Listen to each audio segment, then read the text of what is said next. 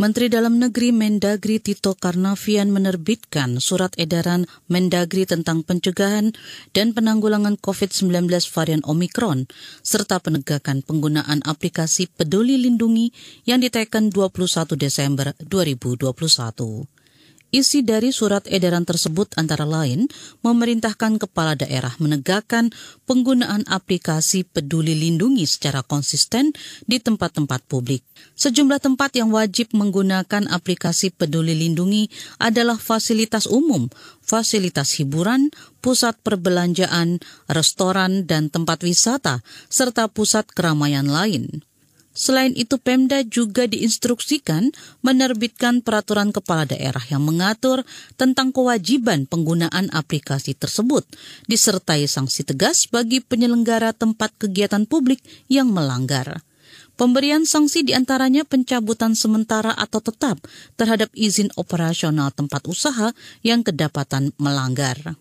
Saya keluarkan surat edaran agar para gubernur membuat peraturan kepala daerah. Itu sebentar saja dibuat. Dan isinya di antaranya adalah agar di ruang-ruang publik menerapkan aplikasi peduli lindungi dan kemudian menegakkannya. Berikut memberikan sanksi administrasi. Salah satu sanksi administrasi itu adalah pencabutan izin usaha untuk jangka waktu tertentu. Menurut Tito, penegakan aturan lewat aplikasi Peduli Lindungi dilakukan supaya tidak terjadi penularan virus corona.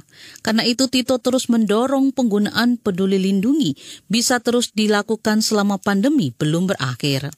Tito ingin memastikan aturan di level daerah seperti Perda dapat diterbitkan usai Nataru sebagai landasan hukum untuk pemberian sanksi bagi pelanggar.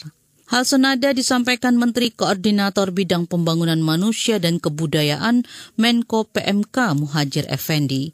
Menurutnya penggunaan peduli lindungi penting dilakukan selama Natal dan Tahun Baru Nataru sebab aplikasi tersebut dinilai mampu mencegah penularan COVID-19 di ruang publik.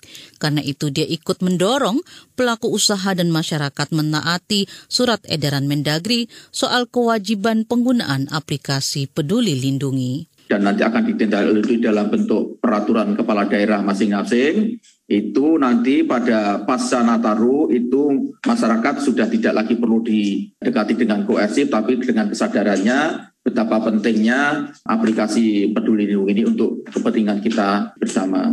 Sejumlah daerah segera merespon surat edaran Mendagri soal penggunaan aplikasi peduli lindungi. Salah satunya Wali Kota Solo Gibran Raka Buming Raka. Menjelang Natal, Gibran melakukan pengecekan penggunaan aplikasi peduli lindungi di sejumlah gereja di sana. Dia berjanji bakal membantu gereja yang belum menggunakan aplikasi Peduli Lindungi untuk segera mendapatkan kode batang atau barcode pemindai aplikasi tersebut. Jadi makanya kita putar dulu. Harusnya semua gereja harus sudah menggunakan. Sementara itu, Gubernur Jawa Barat Ridwan Kamil meminta pelaku usaha dan pariwisata mematuhi menggunakan aplikasi Peduli Lindungi. Dia menegaskan akan ada sanksi bagi pengusaha yang sekadar basa-basi dan tak serius dalam menggunakan Peduli Lindungi. Sudah disampaikan sesuai di, dibatasi dengan prokes peduli lindunginya jangan basa-basi. Barang siapa yang hanya memasang untuk basa-basi nanti kita Hal berbeda dilakukan Gubernur DKI Jakarta Anies Baswedan. Dia justru mengimbau warganya untuk menghindari tempat yang tidak menyediakan fasilitas pemindaian peduli lindungi. Bila mendatangi sebuah tempat yang di situ tidak ada aplikasi peduli lindungi, maka tempat itu sesungguhnya berisiko. Lebih baik Anda jangan masuk, datangi tempat yang di situ menyiapkan fasilitas peduli lindungi. Kemudian laporkan. Bila Anda melihat penyelenggara yang tidak memiliki fasilitas peduli lindungi, laporkan sehingga kita bisa memberikan peringatan dan bila tidak dilaksanakan bisa diberikan sanksi. Selama Natal dan Tahun Baru 2022, pemerintah tidak akan melakukan penyekatan.